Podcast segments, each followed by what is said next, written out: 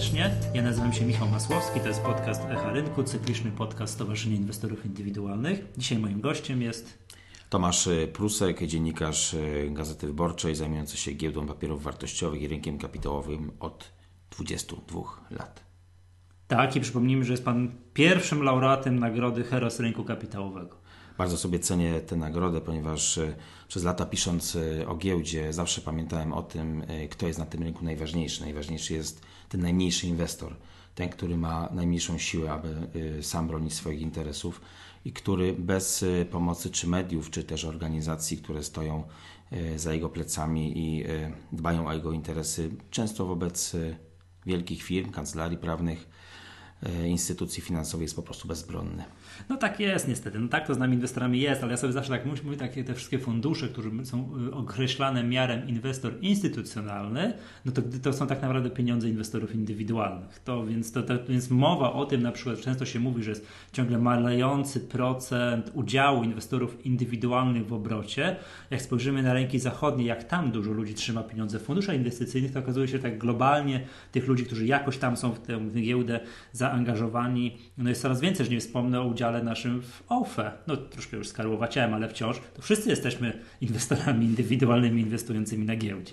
Ja zawsze piszę, że tak naprawdę wielu, y, wiele, wielu ludzi w Polsce nie wie nawet o tym, że jest na giełdzie obecna.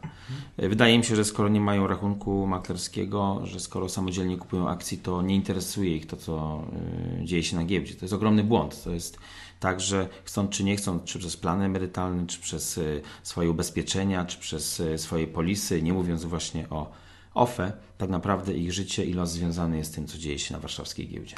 No dokładnie. Czy chcą, czy nie chcą. Także to tak, to tak jest. Dobrze. E, spotkaliśmy się tutaj dzisiaj między innymi po to, żeby porozmawiać o Pana książce. Napisał Pan jakiś czas temu, ile to już będzie? Sporo? Pół roku. Pół roku temu książkę, takim bardzo ciekawym tytułem nazywa się KISS, ale nie od całowania. Nie od całowania, czyli KISS, czyli Keep It Simple Stupid i książka jest o giełdzie, ale nie o tej przyjemnej stronie giełdy, tylko o tej ciemnej stronie giełdy. O czym jest ta książka?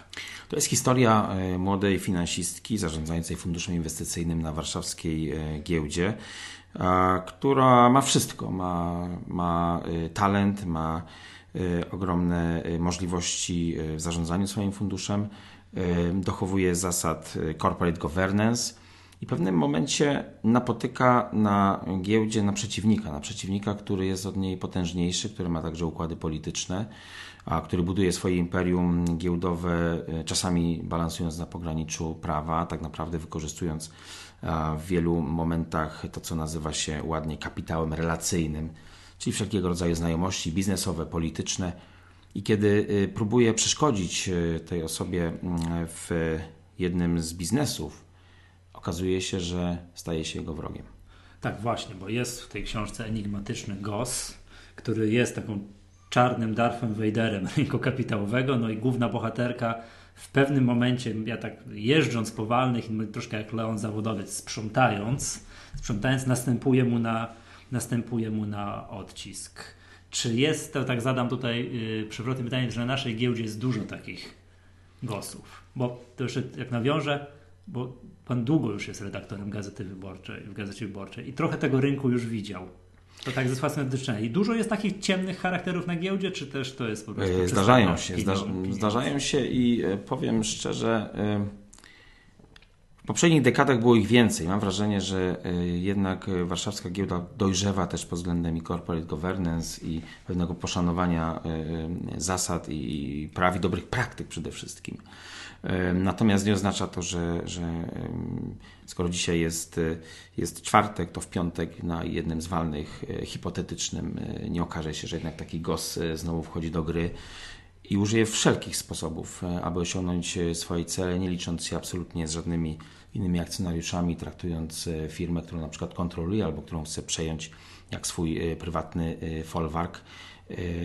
To są sytuacje, w których tak naprawdę inni uczestnicy rynku nie powinni się e, bać e, takich osób, czy też takich instytucji, czasami zarządzanych przez, przez takie osoby, e, ponieważ jeżeli dopuścimy do tego, aby nasz rynek był rządzony właśnie przez takich gosów, którzy są synonimem zła giełdowego, mm, to niestety, ale, ale te miliony osób, z którymi, których los związany jest z warszawską giełdą nie będzie zbyt dobry, ponieważ taki rynek jest mało efektywny i na nim się po prostu niewiele zarabia, przynajmniej dla osób, które są e, tymi małymi inwestorami. Mhm. No tak, problem jest taki, to my akurat to wiemy z tej drugiej strony, tutaj jakby ze strony tego punktu widzenia Stowarzyszenia Inwestorów Indywidualnych, gdzie trafiają do nas czasami akcjonariusze, którzy mówią halo, halo, jest nieprawidłowość na walnym spółki takiej lub w ogóle akcjonariusz jakiś dominujący planuje zrobić jakąś wywrotkę, która no widzimy, że jest no nie... No, po jego myśli, a nie po myśli inwestorów indywidualnych, problem,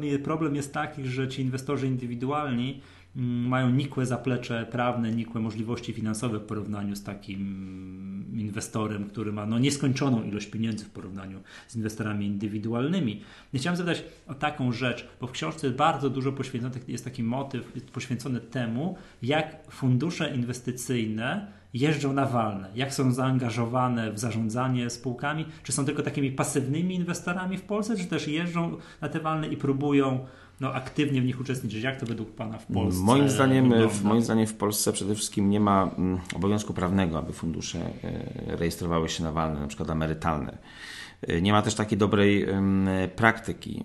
E, wydaje mi się, że wiele funduszy jest zbyt pasywnych po prostu. Nie chce wykonywać swojej władzy mm, właścicielskiej, nie chce prowadzać swoich ludzi do, mm, do rady nadzorczej, Ale bo czasami ta pasywność czasami wynika z tego, że tak jak na przykład OFE i tłumaczono mi kiedyś, jeden z zarządzających bardzo dużym OFE tłumaczył mi, że my nie jesteśmy od tego, żeby, żeby spółkami zarządzać, nawet kontrolować. My jesteśmy od tego, żeby, żeby być udziałowcami tych spółek, zarabiać na ich akcjach a y, kontrolą i zarządem niech zajmą, niech zajmą się inni, bo to też jest kosztowne, należy o tym pamiętać, biorąc pod uwagę, biorąc pod uwagę y, zaangażowanie takiego funduszu.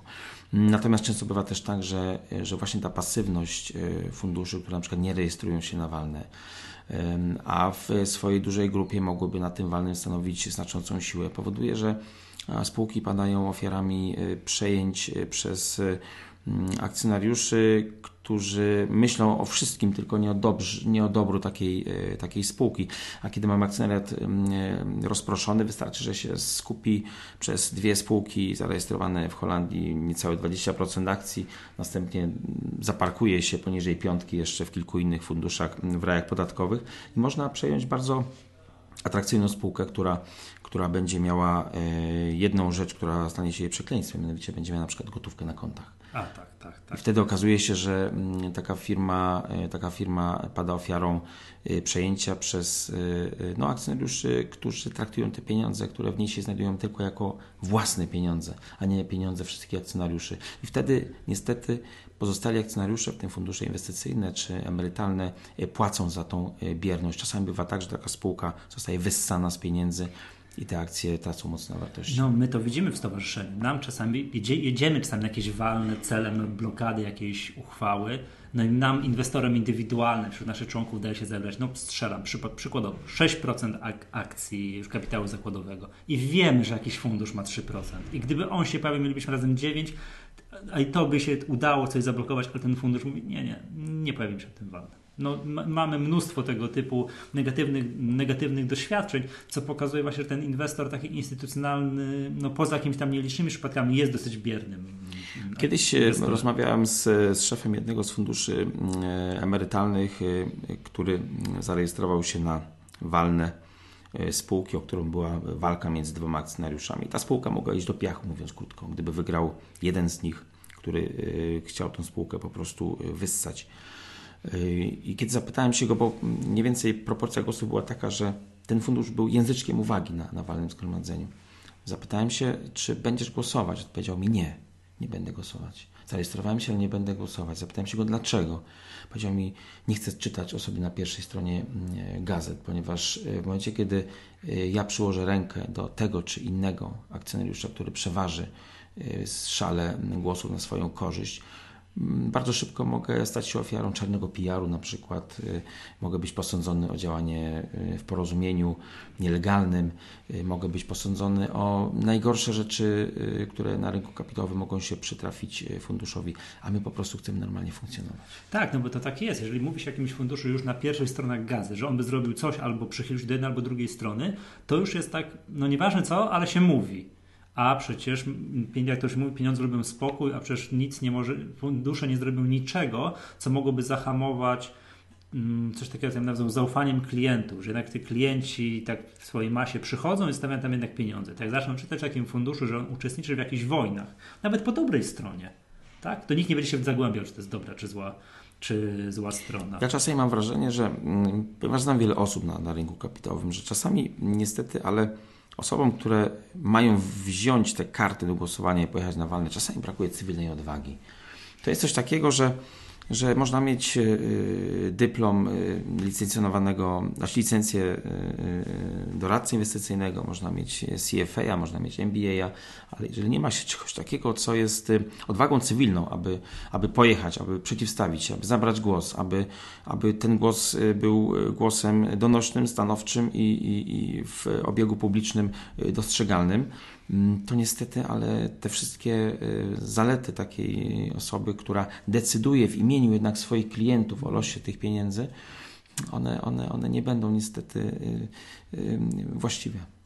No jest o tym cały wątek w książce. Chciałem poruszyć inny wątek, który w tej książce który jest, jest poruszony. Jest taki fragment, w którym mm, przyjeżdżają negocjować zakup jednej firmy Hiszpanii.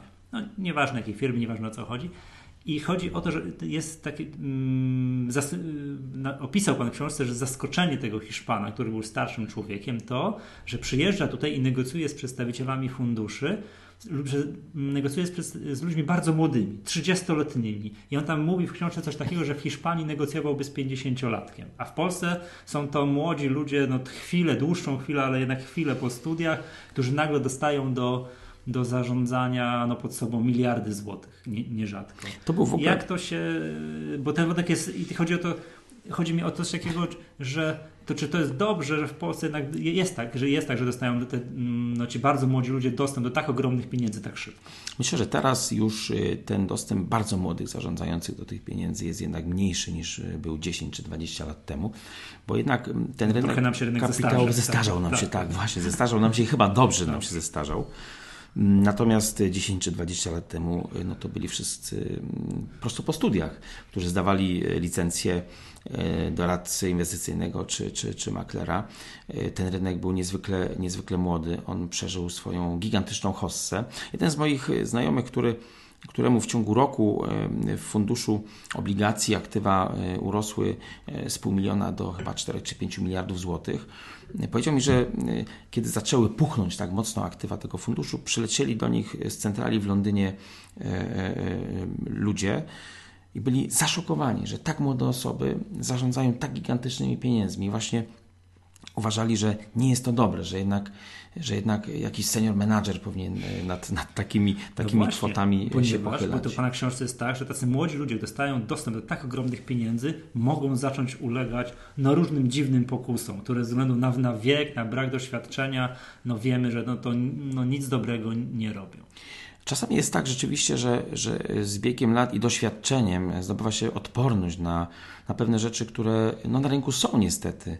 Na zjawisko tak, zwanej, tak zwanych złotych kajdanek na przykład, kiedy, kiedy, kiedy ktoś z kimś się dogaduje i, no, na tle korupcyjnym. Zasiada w dobrze opłaconej radzie Dokładnie, nadzorczej. tak, tak. Albo ma na przykład e, inne, inne profity.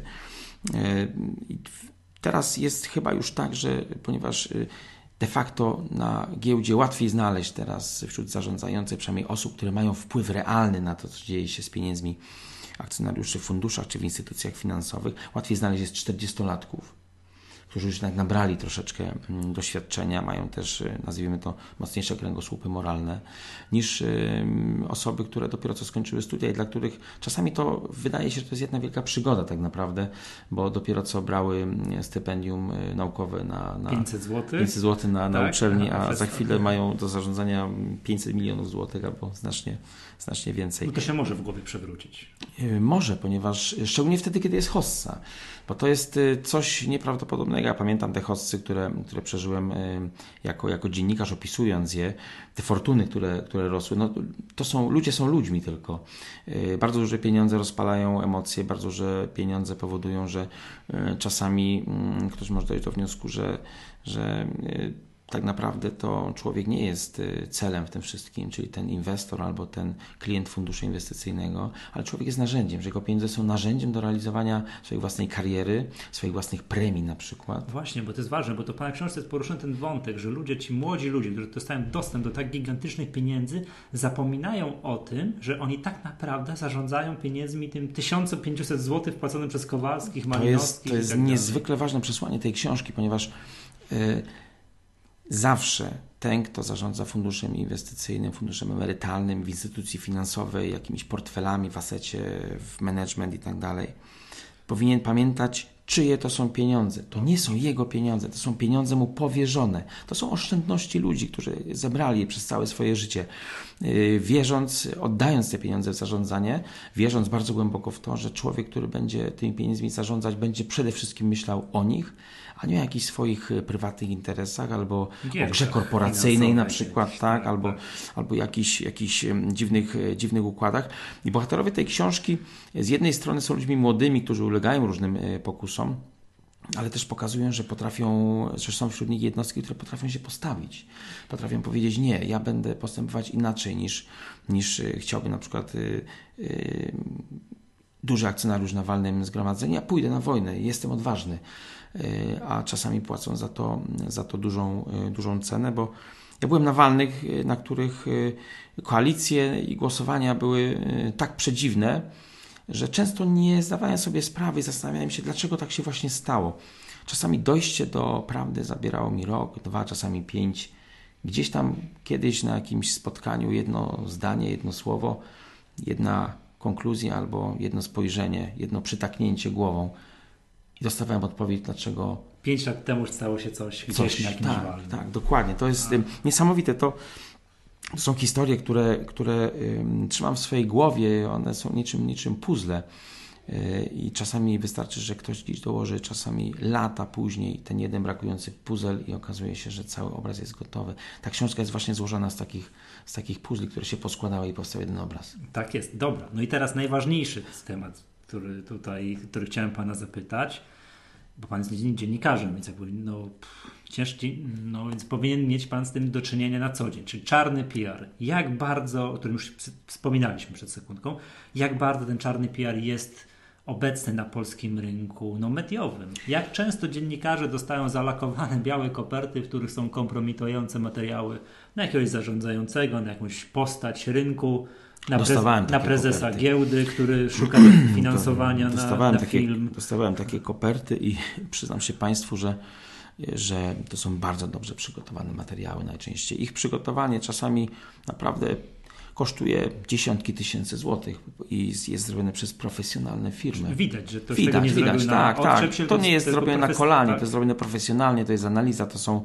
przeliczenia, to są bardzo mocno uwiarygodnione materiały bardzo często. Jeżeli dziennikarz nie ma w sobie e, czegoś takiego, że mówi sprawdzam, jak w tej grze w karty, sprawdzam i bierze taki, taki materiał dostarczony mu za dobrą monetę, może okazać się, że, wyrządza, że wyrządzi ogromną szkodę, często niewinnym ludziom albo firmom, które działają w dobrej wierze. Czasem bywa tak, że e, ten sam materiał czarny, czarnego PR-u trafia do bardzo wielu redakcji i zastanawiam się, kto pierwszy go podniesie. Bo to bywa czasem tak, że. To widać? Widać, widać tak, tak, widać. Czeka się dzień, dwa, trzy, czasem tydzień i nagle gdzieś w jednym z mediów jest pierwszy sygnał, że to zostaje podjęte. Ja potem też mam kłopot z tym y, taki, że, że ktoś u mnie w redakcji pyta się, dlaczego my o tym nie piszemy, skoro ta sprawa jest taka ciekawa. Muszę długo tłumaczyć, że jest to czarny PR i że po gruntownym sprawdzeniu tej sprawy jest to po prostu humbug i nie możemy y, robić e, e, e, medialnego, medialnego szumu, ponieważ osoby, które sprokurowały tego typu materiały, po prostu im na tym zależy. Te białe koperty, one już odchodzą do, do lamusa troszeczkę, bo teraz ten czarny PR robi się elektronicznie. Robi się elektronicznie, tak. W KIS jest opisany, opisany sposób, w jaki się robi właśnie elektronicznie na tych zagranicznych serwerach które gubią e, swoje kody IP, nie sposób jest dojść. Jedna z e, moich znajomych, która doradza prezesowi jednej z największych firm w tym kraju, zapytała się mnie po lekturze tej książki, skąd ty wiesz, jak oni nam to robią? Odpowiedziała mi, ja nie wiem, jak wam to robią, ale ty to wszystko opisałeś. Mówi, to jest u nas bardzo strzeżona tajemnica. Mówi, wie o tym niewiele osób w firmie, a ty opisałeś po prostu tak, jakbyś widział, jak wobec nas robi się czarny PR. Mówi, na pewno ktoś ci od nas opowiedział. Nie, nikt mi nie opowiedział, ale zdaję sobie sprawę, że takie są właśnie metody i takiej metod się używa. Jasne. Dobrze. Jeszcze ostatnie pytanie, żeby tu czytelnicy wiedzieli. Skąd nazwa książki? Jest taki akronim na na, w City londyńskim, na Wall Street, KISS, Keep it simple, stupid. Bierz to prosto, głupcze, nie kombinuj, nie dziel włosa na czworo. Ja jestem wielkim zwolennikiem e, e, tego, tego stwierdzenia, nie tylko na giełdzie, bo w życiu też się, też się przydaje czasami takie proste podejście do pewnych, do pewnych spraw. Y, czasami bywa tak, że mm, kiedy, kiedy duża transakcja jest, jest, jest y, negocjowana, ona dochodzi do takiego momentu, kiedy spiętrzenie y, problemów jest tak duże, że, że kiedy tych dwóch najważniejszych nie powie sobie, zróbmy to w prosty sposób, zróbmy to KIS po prostu, mm, to takiej transakcji nigdy nie dojdzie. A trzeba też chyba posługiwać się na co dzień, na giełdzie, na walnych zgromadzeniach i w tym, co robi się dla rynku kapitałowego, zasadą KIS, ponieważ y, łatwiej jest y, wtedy y, trafić na, na rzeczy, które, które są po prostu prawdziwe. Exiperi chyba napisał, że, że, że prawda jest zawsze prosta i nieskomplikowana, a kłamstwo jest zawsze zawiłe i kręte. Dobrze. Okej, okay, pięknie dziękuję. To był podcast Echa Rynku. Moim Państwa gościem był Tomasz Prusek, redaktor Gazety Wyborczej. Dziękuję Państwu. Dziękuję serdecznie. Do usłyszenia następnym razem.